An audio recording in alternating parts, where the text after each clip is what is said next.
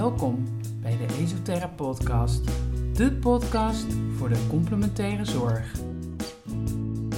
In deze podcast begeef ik me in de wereld van de complementaire zorg, een wereld die me al jarenlang fascineert en een wereld die steeds doorontwikkelt en meer en meer in verbinding komt met de reguliere zorg. Genoeg om te bespreken dus. Ik ben Steven van Rossum, host van deze podcast. Luister je mee? Ja, ik eh, ben natuurlijk geen massagetherapeut geworden omdat ik zo technisch ben. En uh, ja, ik heb dus uh, een afspraak met Jan Bommeré. En een prachtige, prachtige, heerlijke en zeer inspirerend gesprek met hem gehad via Zoom. Zoom meeting, mijn tweede Zoom meeting. En we hebben echt allerlei interessante onderwerpen hebben we behandeld. loslaten ging het heel veel over natuurlijk. Trauma.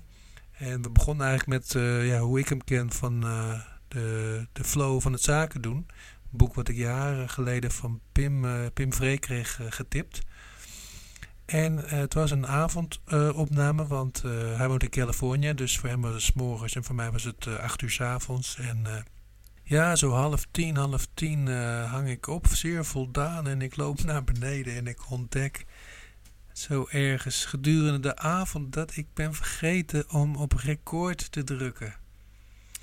Dus ik heb die hele opnames, dat prachtige gesprek, super inspirerend, waanzinnige gesprek, had ik niet opgenomen. Nou, ik vond het vreselijk. Ik ging met echt met een rot gevoel naar bed. Ik dacht, oh mijn god, het was echt, echt een van de mooiste gesprekken van het hele seizoen. En heb ik hem niet opgenomen. en die nacht droomde ik dat ik uh, ergens uh, in een tuin, in de voortuin, in zo'n grintuin, hè, die auto's op geparkeerd worden. Dat ik daar voor een deur op een toilet ga zitten. Er staat daar een toilet voor een, een voordeur van een huis. En ik, ik, zat daar een beetje te voetballen of zo in mijn eentje. En ik ga daar voor die deur ga ik zitten om te poepen. En ik ben klaar, is er geen wc-papier. En uh, dus ik blijf daar een beetje zo op die wc-pot zitten totdat er iemand uh, de deur open doet. En een aller, alleraardigste manier doet open. En uh, ik, ik vraag wat wc-papier van hem. En dat krijg ik ook nog. Die man is hoogstens een beetje verbaasd wat ik zo voor zijn tuin zit te poepen. Maar ik krijg het wc-papier en ik zweer je, dat was volgens mij Jan Bommeré. En als ik deze droom niet had gehad, had ik hem nooit meer durven vragen om nog een keer een gesprek aan te gaan. Ik heb hem gemaild met de droom uitgelegd en uh, Jan antwoordde met de legendarische woorden: Ja, goed, dat gaat ook over loslaten. En we kregen een tweede kans voor een interview. En dat is het gesprek wat je nu gaat horen. Net iets minder legendarisch, net iets minder waanzinnig, historisch, maar nog steeds zeer de moeite waard. Een heel ander gesprek waar we eigenlijk veel meer inzoomden op uh, ja, waar hij zich nu heel erg mee bezighoudt. Uh, met trauma en uh, ja, hoe dat allemaal precies in het lichaam werkt met nervus vagus, even uit mijn hoofd. dus ja, mensen even interessant, alleen weer net even wat minder goed bereik. Dus af en toe hapert hij een beetje. Dat vind ik altijd nog wel jammer weer aan Zoom. Maar goed, het is beter iets dan niets, toch? Mensen, Heel veel plezier. Um, ja, vreselijk. Vorige, vorige maand was dat, hè? Maar. ja. Ik had zo'n lekker gesprek met jou gehad. Ik vond het zo inspirerend. Toen lag ik in mijn bed en dacht ik: Oh mijn god. Oh god. Ja. Maar goed, je hebt uh, de coulance om mij nog een keer te woord te staan. Of mij nog een keer te, te, te vertellen uh, wie jij bent. En, en het wordt vast weer een bijzonder gesprek. Nou ja, ik, ik heb jou. Uh, zullen we beginnen? Ja. Ik heb, uh, ik heb Netter, maar ik heb jou, jouw online cursus gekocht. Hè, want nou ja, wij kunnen in Nederland, het zal bij jou niet anders zijn, kunnen we de deur niet meer uit. Dus ik dacht, dat is een mooi moment om, om online te gaan leren loslaten. En ik heb nog maar een klein stukje gekeken, maar ik vond er meteen iets heel boeiends over wat jij vertelt van uh, uh, ja, loslaten. Laten we even kijken naar de andere kant, hè, naar vasthouden. En dan heb je het over een model waarbij. Ja, kan je dat eens toelichten? Weet je wat ik bedoel? Dus het, het is zo dat wanneer ik in de stressrespons schiet, ja, dan je zou het met een curve kunnen tonen. Dan ga ik dus naar een piek. En normaal gezien, de adrenaline is voor een korte termijn reactie. Ja. Dus normaal gezien, nadat het gevaar voorbij is, gaat de curve weer naar beneden naar de nullijn. Ja. Maar wanneer ik niet kan vechten of vluchten, dan ontstaat. En de freeze zorgt ervoor dat ik niet naar de nullijn terug kan gaan. En dat is vasthouden. Ja. Dus dat je door de stress dus gaat van naar de piek en dan terug naar de basislijn. Dan dan is de stressreactie voorbij zonder dat je iets aan sporen over hebt. Ja. Maar, wan- maar wanneer er iets gebeurt waar je niet weg kunt, niet in vechten, niet in vluchten, en er ontstaat een frictie, dan ga je dus niet terug naar de basislijn. En dat gebeurt dus ook in mini-trauma's. En dat is iets wat mensen onderschatten. Wanneer ik waarheid niet kan spreken, dan ontstaat ook een kade in mijn keel. En dat is ook een vorm van bevriezing. Ja, dus iedere keer dat ik iets zou willen zeggen en ik kan niet, dan, dan, dan maar ik kan het niet verwerken. En dus kan, ben ik iedere keer weer bezig met houden. En iedere keer dat ik mij verzet tegen hoe de dingen, maar ik kan er ook niet van weg. Ik zit in een situatie, bijvoorbeeld, ik doe een job die ik niet leuk vind. Maar ik beslis ook niet om weg te gaan. Dus Ja. iedere keer dat ik naar mijn job ga, heb ik stress, maar ik blijf zitten. Ja. Nou, En dus de bekende spreuk van Jung, what you resist, persist, dat is vasthouden. Ja. Dus vasthouden is weerstand, waardoor de flow niet meer door kan. En loslaten herstelt de flow. Dat zijn allemaal verschillende manieren om hetzelfde te zeggen. Ja, ja, ja. Maar loslaten is dus van vitaal belang als je meer flow wil kennen in je leven. Ja, ja, ja. Oh, interessant, interessant. En eh, nou ja, wat jij zegt, hè, we hebben bij trauma's denken we altijd vaak aan grote dingen. En, eh, maar het zijn denk ik juist heel veel van die, van die ja, misschien niet dagelijkse, maar wel dingen, kleinere dingen die, die eh, opbouwen. Hè, en die de, waar de meeste mensen eigenlijk last van hebben. Ja, dus eigenlijk dien je de freeze response te begrijpen. En, en dus men denkt bij trauma aan shocktrauma. Maar dus wat men een complex trauma noemt, is een opeenstapeling van kleine dingen. Dus als ik in een werkrelatie ben waar ik, waar ik mijn mond moet houden, dan zit ik in een complex trauma. Met allemaal momenten van bevriezing. Als ik in een toxische relatie zit, zit in een complex trauma. Als ik als kind niet veilig gehecht ben, heb ik complex trauma. Dat zijn allemaal momenten, bijvoorbeeld ik huilde en ik werd niet opgepakt. Ja. Ik huil weer, ik word weer niet opgepakt. Ik heb honger en ik krijg geen eten. Dat, dat, al die kleine dingen, als baby kan ik niet vechten en niet vluchten, dus ik heb weer een reactie. Dus dat is wat men complex trauma noemt. En bij iedereen heeft een van complex trauma. Er zijn dus veel mensen die zeggen, ik heb geen trauma, omdat ze geen shocktrauma hebben meegemaakt. Ja, precies, ja. Maar, maar iedereen heeft relaties gehad waar ze, of als kind of later, waar ze eigenlijk een stresservaring niet konden integreren. Nee, dat klopt. Ja, dat is leuk dat je het zegt. Want ik, ik ben zelf geadopteerd en dat, eh, dat is een groot trauma. Maar dat maakt het ook voor mij heel herkenbaar. Ik kom Ja. ook vaak genoeg mensen tegen die een hele gelukkige jeugd hebben gehad en alles. Hè? En, en ja, die moeten eerst maar eens vinden wa- wat een trauma is of zo. Hè? Ja, en er is ook heel veel ontkenning, één, maar Ja. ook omdat, omdat men niet snapt waar het over gaat. Dus het is, het is gewoon gebrek aan voorlichting. En dat is waarom ik dat boek wil schrijven en dat ik het ga richten op complex trauma. Ze niet weten waar ze last van hebben en artsen ook niet. Dus we- wanneer, wanneer jij vroeg in je leven complex trauma hebt, krijg je later relatieproblemen en gezondheidsproblemen. Er is dus geen ontsnappen aan. En dus de hele maatschappij is ziek aan relatietrauma's.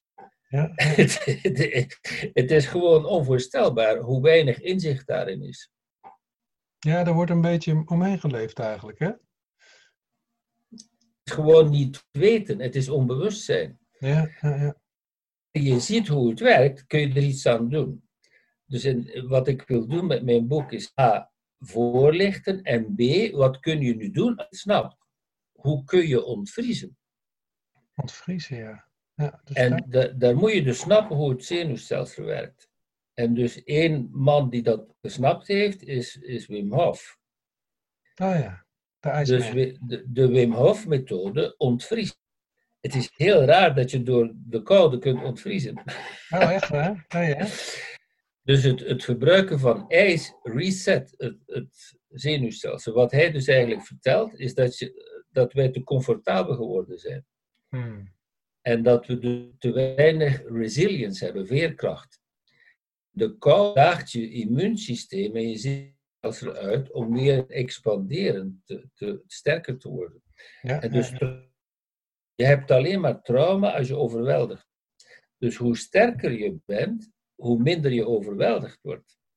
ja, ja, tuurlijk. En, en, en dat is dus de nieuwe visie op trauma, is dat je niet de trauma moet aanpakken, maar je moet de resilience herstellen. En door met het zenuwstelsel te werken.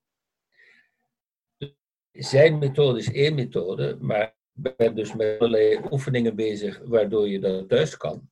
Ja, ja, ja. En, en je moet dus snappen dat de bevriezing, die komt van de dorsale vagus. En die komt dus uit je achterhoofd, je, je breinstam, je hersenstam. Ja. Dus daar ontstaat die. En dan gaat die door je hele lijf, de dorsale vagus, en invloedt alle organen. Dus als die ontspannen is, de dorsale vagus, regelt die je spijsvertering, je ademhaling, je hartritme, je seksualiteit. Dat wordt allemaal geregeld door de dorsale vagus.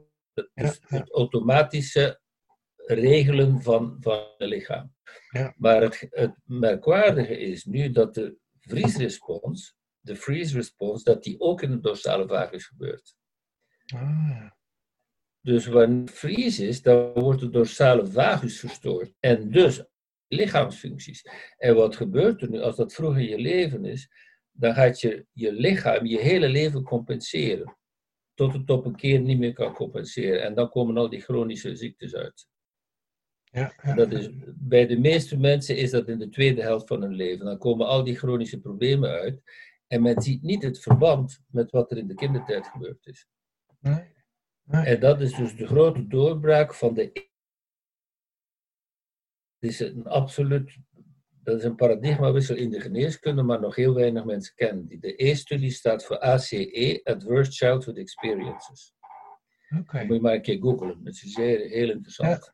First, En dat is ja. dus een studie waar je niet omheen komt. Daar hebben 17.000 mensen aan deelgenomen. Het is gewoon ontzettend goed wetenschappelijk onderbouwd. Oh, wat mooi. Nou ja, wat, wat, wat mij opvalt is dat, eh, oké, we hebben, eh, ook bij mezelf zie ik dat heel duidelijk. Hè? We, we, we maken een trauma mee in onze jeugd. En er is iets in ons leven wat, wat lijkt alsof het dat trauma steeds weer opnieuw aan, aan laat raken of opzoekt. Ja, ja. Eh, Als je vroeg trauma hebt, heb je dus in de achtergrond een scanner die blijft aanstaan voor gevaar. Ja. En, en dus je kan dat niet afzetten met je, met je wil. Je kan niet zeggen, ik wil nu dat ik niet meer, niet meer hyper, hyperactief ben. zo, zo werkt dat dus niet. Ja. En dus een raar iets is dat trauma neiging heeft zich te herhalen in andere vormen. Ja. Omdat het, het wil gezien worden. En, en zolang je het niet heelt, herhaalt het zich. En, en dus je kan door vroeg trauma, wat men noemt in het Engels accident prone worden. Je blijft altijd maar ongevallen hebben. Totdat je trauma oploopt. Plots heb je geen ongevallen meer. Of je blijft altijd de verkeerde partner aantrekken.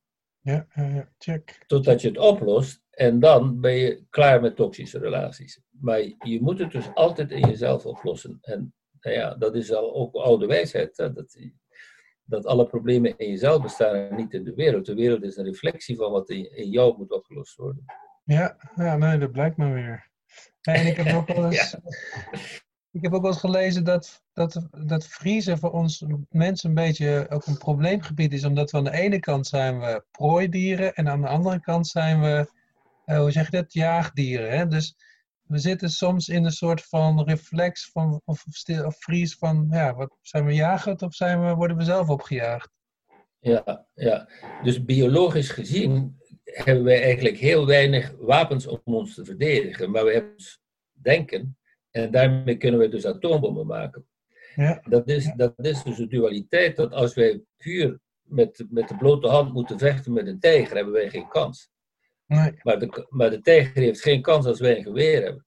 ja, ja, ja, ja. Hey Jan, hoe komt het dat dit jouw jouw jouw missie is, zeg maar, jouw jouw levenswerk? Ja, ja, omdat ik zelf heel veel trauma heb meegemaakt Hmm. en, en nooit de juiste hulp kreeg. Dus ik heb het allemaal zelf moeten doen.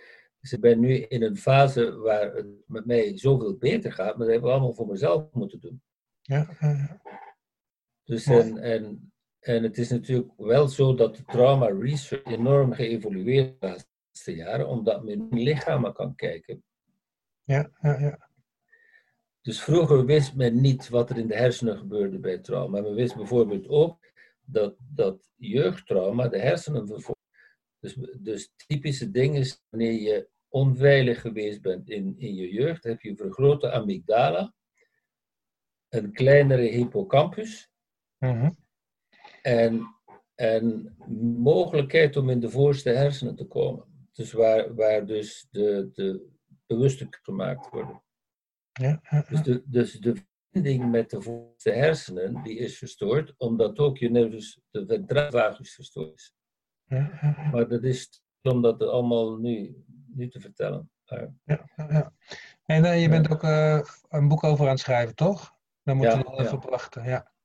ja, we- dus daar heb ik al meer dan tien jaar research naar gedaan. Maar de meest, de meest interessante research is natuurlijk hoe, hoe het bij mij werkt.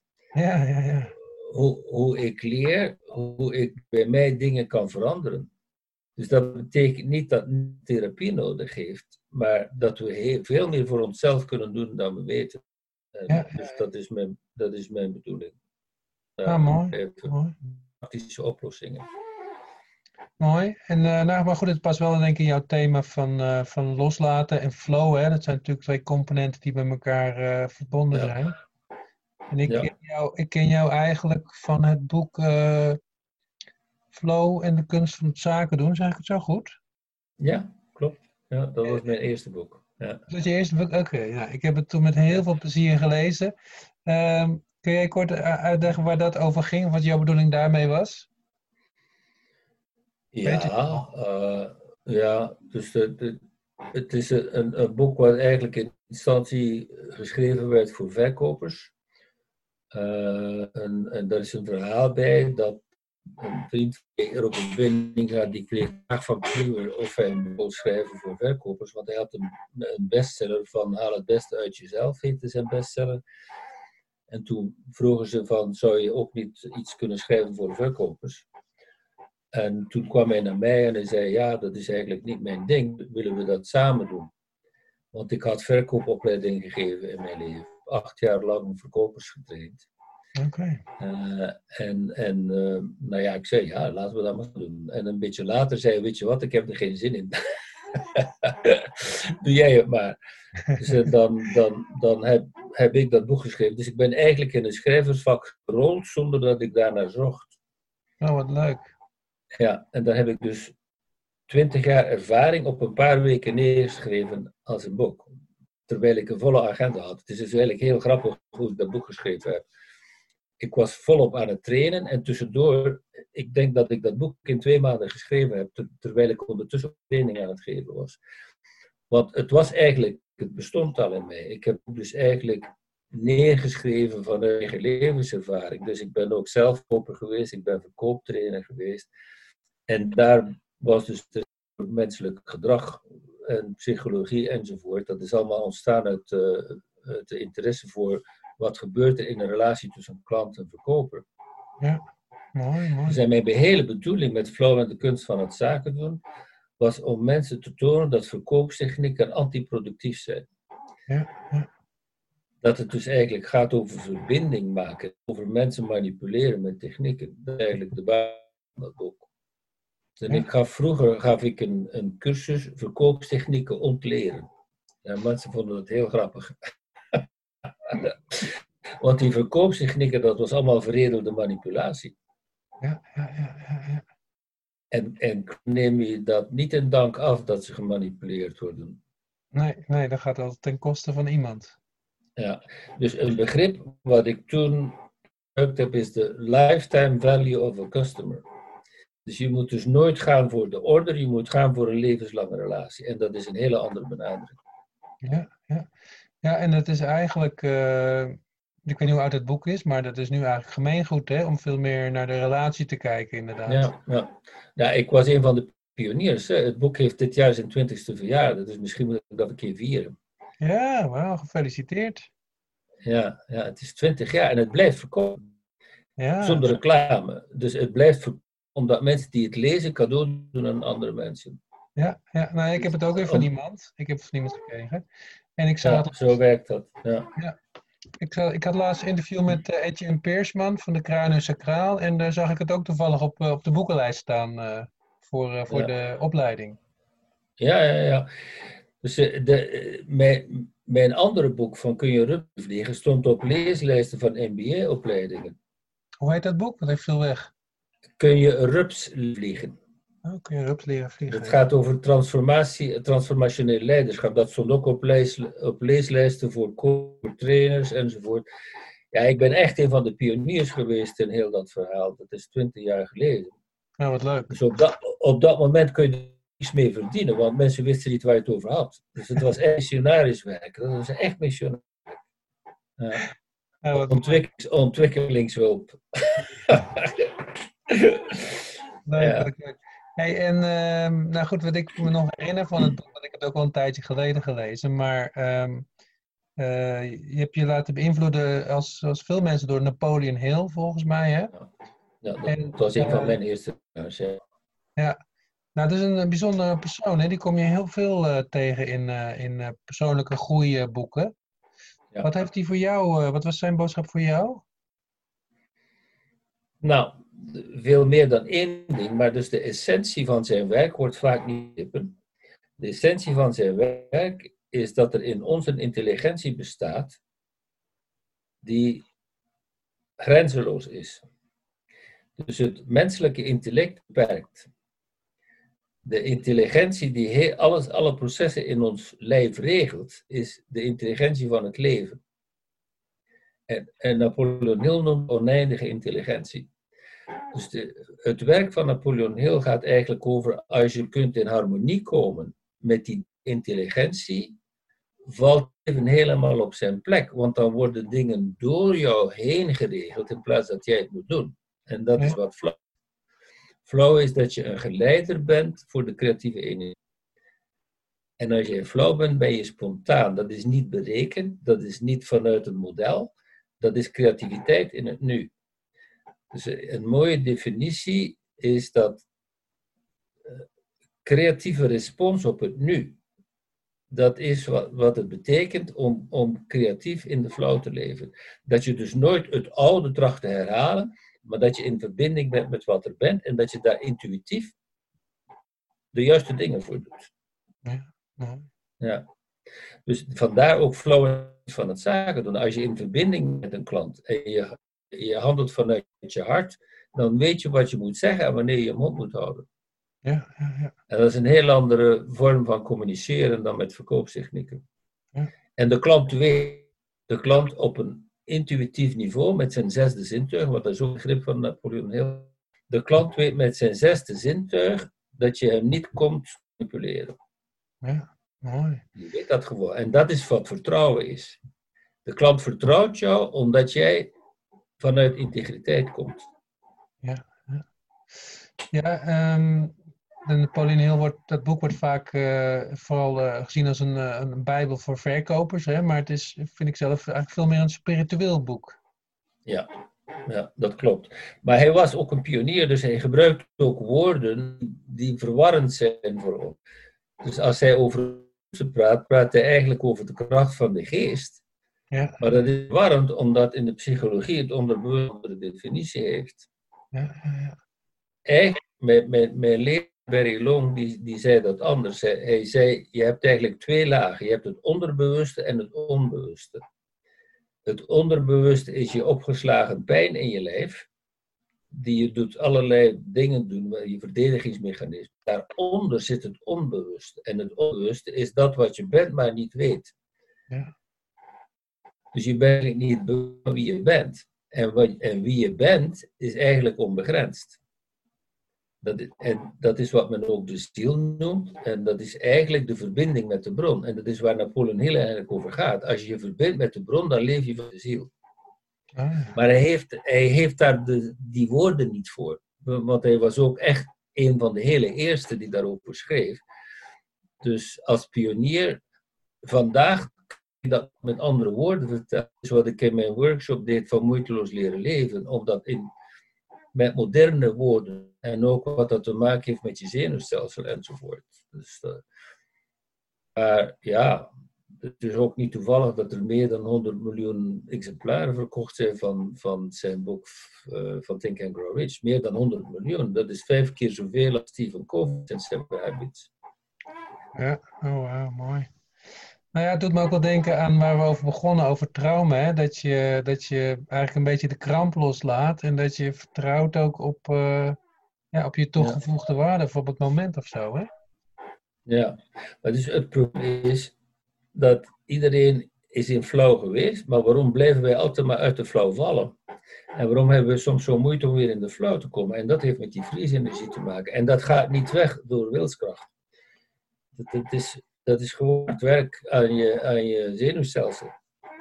Ja, dat is misschien ook wel de moeite. Dat je het niet kan, eh, je kan het niet eh, met eh, harde inzet of met Nee, afzien nee. kan je het niet verhelpen, hè? Nou, not force, but power in het Engels. Oh ja, mooi, mooi. En er is een groot verschil tussen power en force. Dus en, Ja. en di- dingen afdwingen, dat is force. Power is moeiteloos. Power is verbinding met de bron.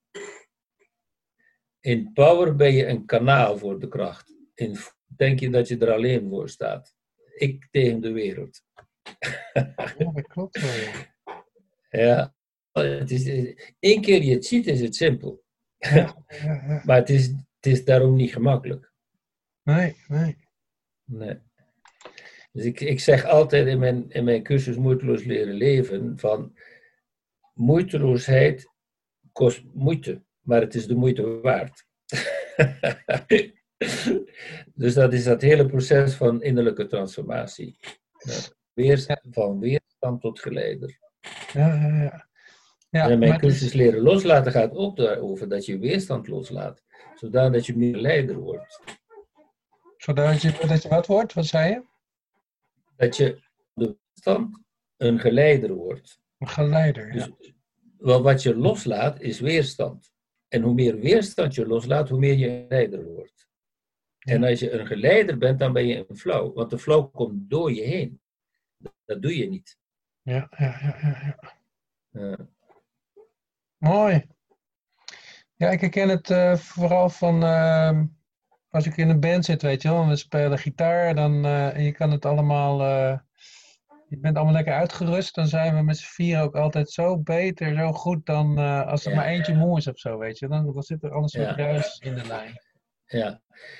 ja, een, een mooie metafoor voor flow is een jam sessie. Waar, waar mensen in het moment creatief op elkaar antwoorden. Dat is, dat is pure flow. Een jam sessie. Ja, klopt, ja. En je ziet dat dat een staat van verbinding is. Flow is een staat van verbinding en het ego is een staat van afscheiding. Dus eigenlijk, als je in flow bent, geen ego. Als je uit de flow bent, zit je in het ego. En wat is het ego? Weerstand. Ja. De, som, de som van alle weerstanden in je lijf, dat is je ego. Dus door loslaten laat je het ego los en kom je meer in flow. Het is allemaal hetzelfde met andere woorden. Ja, ja, ja. Hey, en ehm, goed, het antwoord is eh, leren loslaten. Of loslaten. Maar eh, wat is dan zeg maar, zo'n eerste stap die je daar naartoe kan doen? Want ja, ik kan me voorstellen in een jam sessie, dat ik doe, als ik even aan mezelf nadenk, ja, ik ga denk ik aanspannen als ik onzeker word. En dat word ik nogal eens. Ja. Ja, nou ja, dat is dus de kern van het hele verhaal. Hè? Dat die angst komt van de overlevingshersenen. Eh, Ja. als, als die zich onveilig voelen, gaan die in de stressmodus. En wat is de stressmodus? Dat je, dat je sympathische zenuwstelsel activeert allerlei chemische processen in je lichaam. Dus wat men de HPA-as noemt, hè? De, de hypothalamus pituitary adrenal, HPA. Dus je, je, hypothalamus, je hypothalamus die geeft signaal aan de, aan de, hoe heet dat? De, uh, hoe heet die nu in het Nederlands? De, de pituitary, de... Hypofyse? Even, ja, de hypofyse. Dus je hypothalamus signaleert aan die hypofyse en de hypofyse is de, de hoofdklier, de moederklier. Ja. De hypofyse bestuurt alle andere klieren. Dus de hypofyse geeft dan een signaal aan de adrenals, aan de bijnieren. En die scheiden adrenaline af. En in tweede instantie dus uh, cortisol. Ja. Dus het is eigenlijk allemaal heel goed te begrijpen wat er gebeurt. En als je begrijpt wat er gebeurt, dan weet je dat je kunt leren om stressrespons terug naar de basislijn te komen. En dat, heeft, dat heet zelfregulering. Oké, ja. Dus als je het zenuwstelsel begrijpt, kun je het leren bewust besturen in plaats dat het jou rondslingert. Ja, ja, ja. ja. Oh, mooi. Bewustwording. Ja. En, en ehm, we zitten nu in tijden van corona. Hè? Heb, heb, jij daar, wat is jouw idee of jouw visie daarop? Nou, ik heb één visie ook eens. Alleen wel dat de angst meer beschadigt dan de virus. Ja. En, boven, en bovendien verlaagt de angst jouw immuunsysteem. Ja. Dus dat hele, het hele verhaal dat elke dag de mensen horen, er zijn weer mensen gestorven en nog meer mensen gestorven en ze sterven een vreselijke dood. En dus eh, mensen, mensen constant bang maken en ze, en ze ook van elkaar sociaal afzonderen, dat zijn twee dingen die het immuunsysteem verstoren. En wat is nu de basis? Dat alleen mensen met een verstoord immuunsysteem eraan sterven. Dat is gewoon, dat is gewoon een, feit. Dat vind ik niet uit. Dus iedereen die sterft, heeft een onderliggend immuunprobleem. Want mensen met een goed immuunsysteem, die hebben zelfs soms geen symptomen van het virus. Dus de variabele is het immuunsysteem, niet het virus. En dat is dus iedere keer weer een andere paradigma, een andere manier van kijken. Dus er zijn in de immunologie zijn er dus twee scholen. De ene is van met een metafoor, er zit vis in een, in een bokaal, ja, en het water is ongezond, waar die vis in zit. En dus de, de school van Louis Pasteur is, er zijn micro-organismen die de vis bedreigen, maar we gaan de vis inspuiten met een, met een, uh, een middel waardoor hij dat zich kan verdedigen. Ja. De andere school is, die zegt, je moet niet de vis inspuiten, je moet het water verschonen. En wat is dat? Is dat je het lichaam moet hebben, zodat het immuunsysteem weer werkt. En het immuunsysteem heeft geen moeite met micro-organismen als het gezond is. De mensen die nooit verkouden worden. Ook niet als ze bij iemand zitten die een verkoudheid heeft. Dus de, het is niet de verkoudheidsvirus die bepalend is, maar wat jouw, jouw immuunsysteem aan kan. En dat heeft allemaal te maken met levensstijl, met gezondheid, met bewustzijn. En dat zijn allemaal dingen die je niet leert. Je hebt de verkoudheid en je gaat naar de dokter.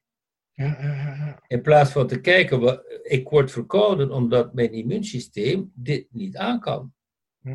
Dus wat kan ik allemaal doen voor mijn immuunsysteem? En dus we kunnen zo nog dagen doorgaan met waar we hiermee bezig zijn. Ik heb dus zelf dat ook allemaal moeten leren, want ik had een heel verstoord immuunsysteem. En dus in, een teken van een verstoord immuunsysteem is dat je een verkoudheid hebt, dat die niet over is in, in een paar dagen. Die verkoudheid bleef maar aanslepen. Nou, dat is een van een verzwakt immuunsysteem. Dus ik, ik kon verkoudheden hebben die weken duurden. Ah, ja. Ja. En de basis van het immuunsysteem zit in je darmen. Ja, ja, ja. En dus als je trauma hebt, is je microbiome verstoord. En dus je immuunsysteem. Maar dus ook de stressrespons wordt ook het immuunsysteem gemobiliseerd. Want het lichaam bereidt zich voor op kwetsuren. Dus je immuunsysteem is actief.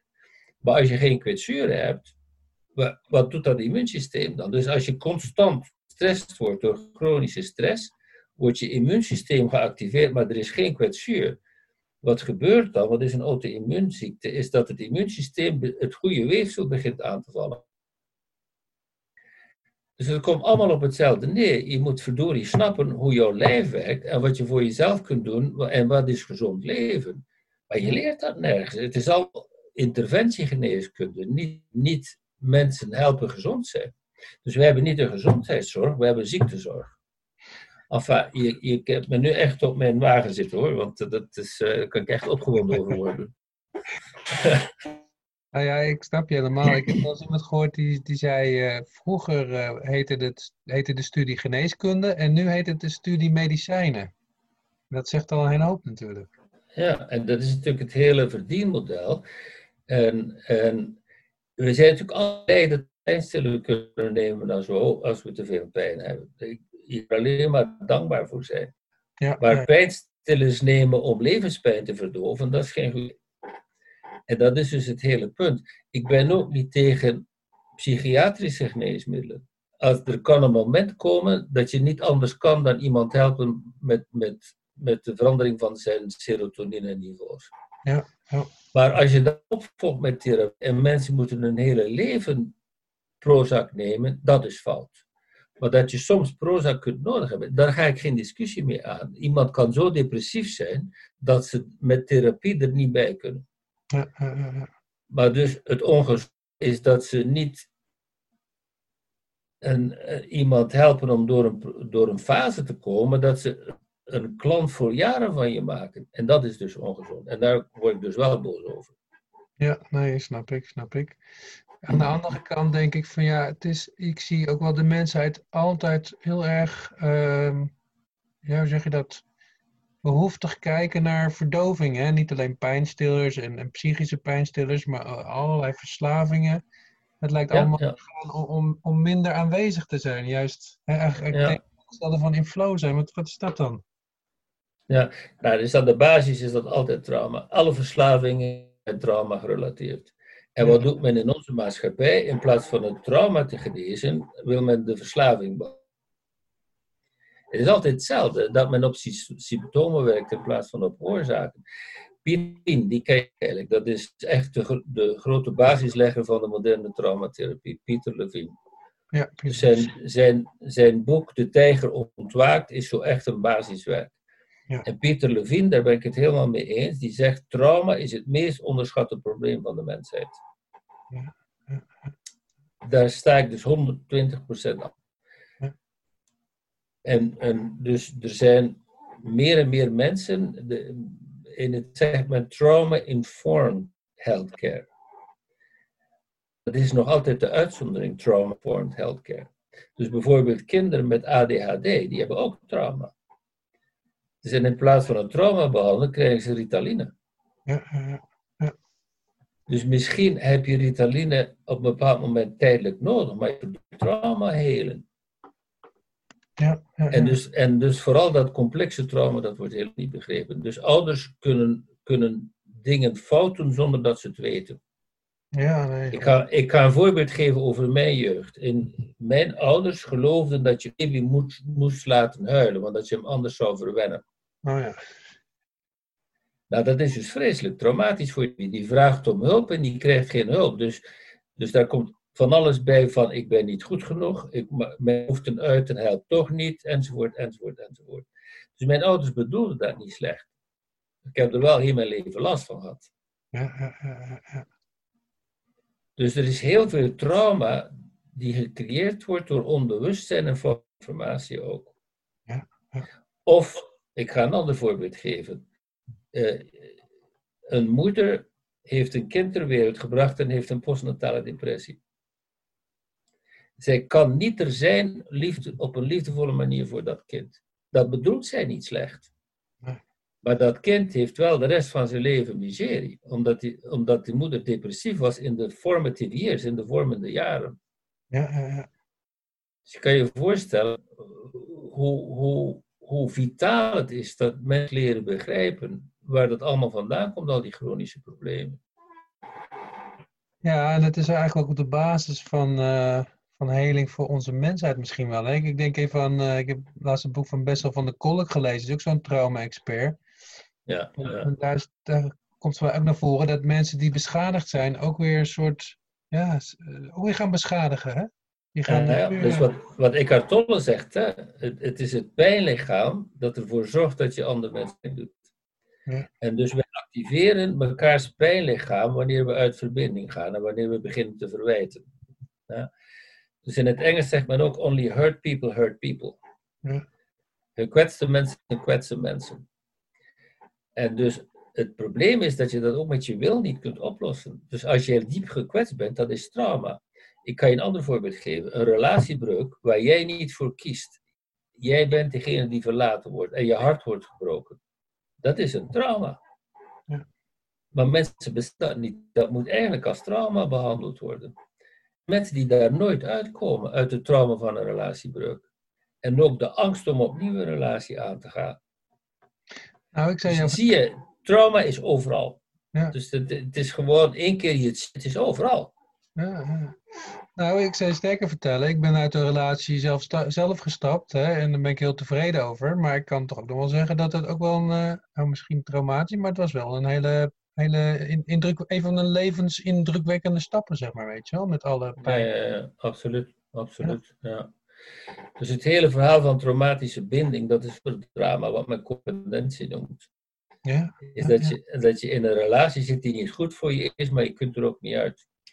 En, dus traumatische binding is, is iets vreselijk vervelend. Traumatische binding is dat je in een relatie zit met iemand die niet goed voor je is, maar die af en toe wel goed voor je is. En daarom blijf je hopen. is traumatische binding. Het, goed, en nu gaat het weer beter. Oh, oh, oh, er is, er is weer hoop. En dan, na een tijd, wordt die hoop weer de kop ingeslagen. En op het moment dat je denkt van, oké, ik moet hier uitstappen, wordt het weer beter. Ja. Oh, er is weer hoop. Ja. Dat is traumatische binding. Is, is de, de afwisseling van eh, het, het gaat goed, het gaat slecht, het gaat goed, het gaat slecht. En, en dus de, de meer gevoelige mensen blijven iedere keer maar weer hopen dat de relatie beter zal worden. En daarom zit je er dus ook aan vast. Ja, dat is zo'n klassiek verhaal inderdaad, hè? Van de mensen Ja. die geslagen worden, maar ook eh, de aardige kant van hun eh, partner kennen of zo, eh, weet ik veel wat. Het, het beroemde Stockholm-syndroom. hè? Sympathie Ja. voor, de, voor de gijzelaars. Ja, Voor- ja. Hey, en ik hoor je heel veel zeggen van ja, dit leren we niet, hè? En dat ben ik helemaal met je eens. Maar ik vraag me dan wel af van, nou, ik heb zelf twee kleine kinderen. Wat, wat, kan ik, wat kan ik zelf al doen? Of wat moeten we als maatschappij op school dan gaan doen? Hoe kunnen we het wel leren? Heel veel liefde, hè? maar het is, het is natuurlijk ook belangrijk dat mensen een stuk educatie krijgen over hoe die dingen ontstaan, zodanig dat je weet wat je niet moet doen.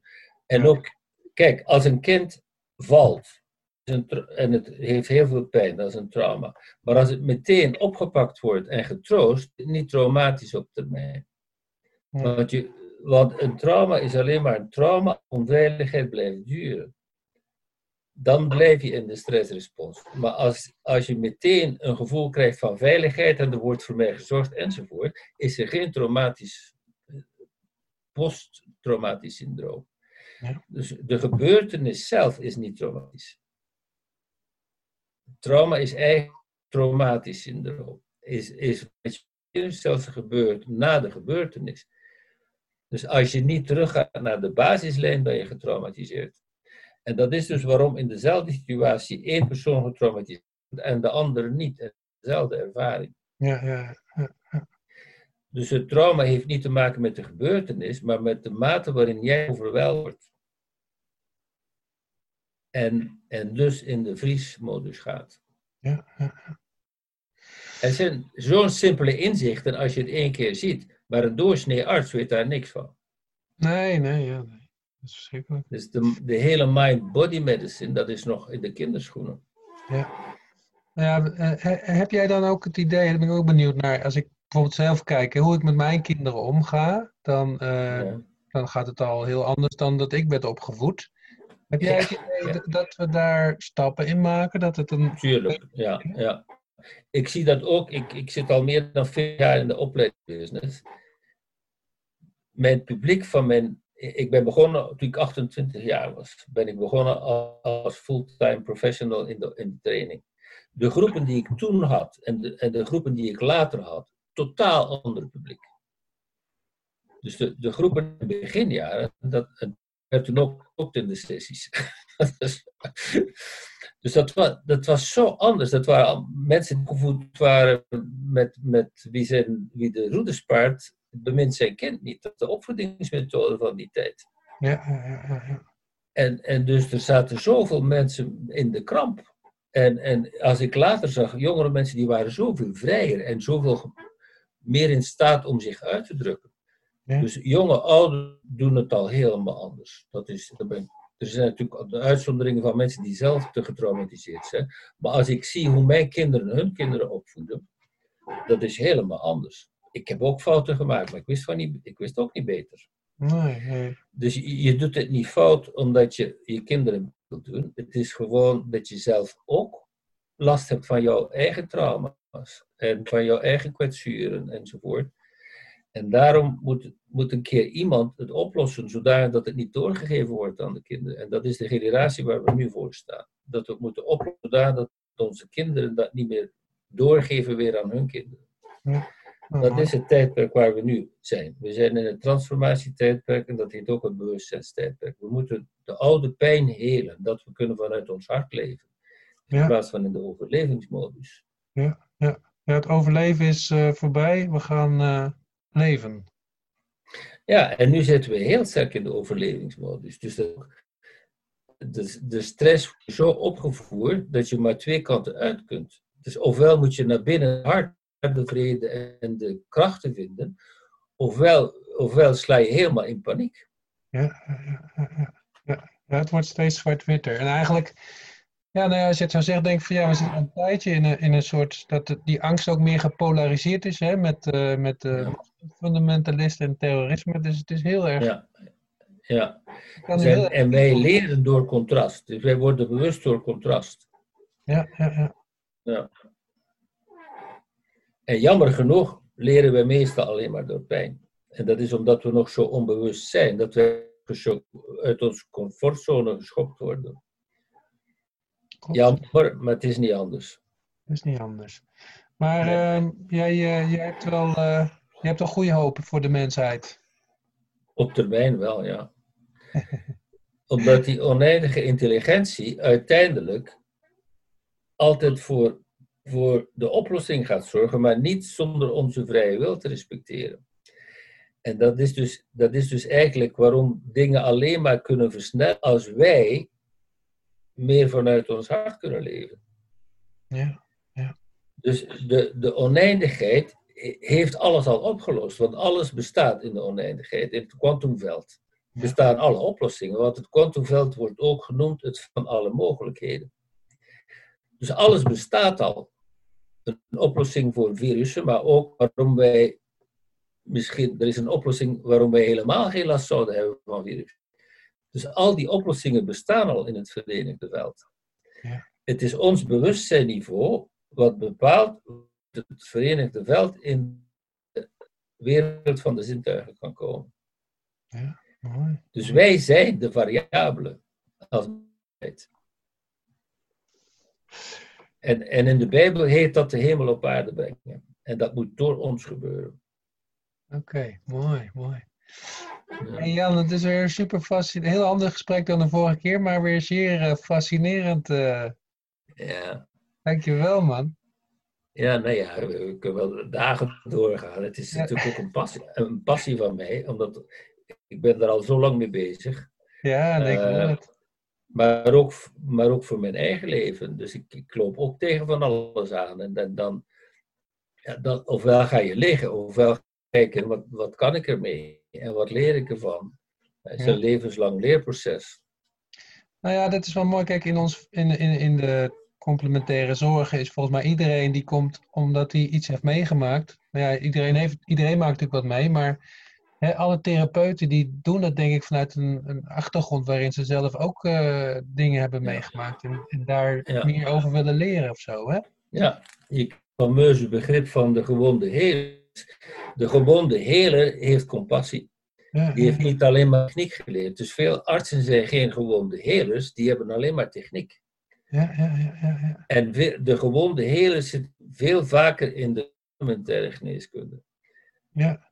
Ik kan je nog eens iets sterker vertellen. Ik ken een dokter, die heeft haar dokterspraktijk gestopt om lichaam gerichte therapeuten worden. Hmm. Omdat ze met haar doktersopleiding chronisch te genezen. Maar met lichaamsgerichte therapie wel. Ja, ik kan me me voorstellen. Dus en haar missie andere dokters bewust te maken van wat ze op school niet geleerd hebben. Dat is haar missie. Ja, mooi. Nou, je hebt nu in Nederland heb je ook een hele opleiding voor arts eh, integrative medicine. Hè? En in, Amerika weet ik is dat ook al een ontwikkeling. Dus eh, Ja, gelukkig wel. Ja. Ja, nou ja, het is natuurlijk ook een groot verschil. Kijk, eh, ik heb heel veel opleidingen en cursussen gedaan en dan ga je altijd heel erg met jezelf aan het werk. En ik denk eh, dat een artsenopleiding een hele cognitieve opleiding is, waarbij je vooral heel veel kennis moet eh, tot je nemen. Hè? Ja, en, en jammer genoeg gesubsidieerd vanuit de farmacie. Die, Ja. al, al die grote onderzoeken, die worden gefinancierd door de farmacie. En natuurlijk zit daar, zit daar een, stuk, een stuk eigenbelang bij. Ja, ja, ja, ja, ja. Hey, eh, ja, we kunnen uren doorpraten, maar misschien over een, eh, over een paar maanden gaan we gewoon verder met deel, eh, deel 3. Ja, nou ja, en, en, en op een keer zal mijn boek komen. Kan iedereen het zelf gaan lezen. Ja, daar ben ik ook heel benieuwd naar. Maar je hebt nog geen idee wanneer, toch? Dat, eh, dat komt vanzelf. Nou ja, ik, mijn, mijn vermoeden is toch dat het dit jaar zal klaar zijn. Maar ik zit, met geen, ik zit niet met een deadline, dus ik laat me niet opwinden. Nou, lekker, lekker. Ik heb ook geen uitgever. Ik ga het zelf uitgeven, denk ik. Ja. Er is al een uitgever die zich aangeboden heeft, want er wordt op sociale media wel over gepraat dat ik daar een boek over schrijf. Ah, Er is al een uitgever die zich aangeboden heeft en die zegt, laat maar weten, wij gaan het uitgeven. Ah, leuk, leuk, leuk. Hey, en eh, je komt niet zo vaak meer naar Nederland, maar mensen kunnen wel jouw cursus eh, hier volgen, hè? Dat klopt. Dus die online cursus die net een maand voor corona gekomen. Dus er zijn heel veel mensen die nu heel blij zijn dat ze hem kunnen doen thuis. Mooi, Ja. mooi, mooi. Ja, ik zal er een link van in de bio zetten en dan eh, kunnen onze luisteraars er ook naar kijken. En eh, nou ja, ik kan ze aanraden. Ik eh, heb de proeflessen gezien en ik eh, heb, eh, heb nu de, cursus gekocht en ik vind het eerste stuk al heel, heel interessant. Hoe jij over loslaten praat. Jan, ik wil je ontzettend bedanken voor deze tweede keer. En eh, Ja, my pleasure. we spreken elkaar in de toekomst gewoon weer. Okido. Alright, het was een fijn gesprek, dank je. Jij bedankt, hij is opgenomen.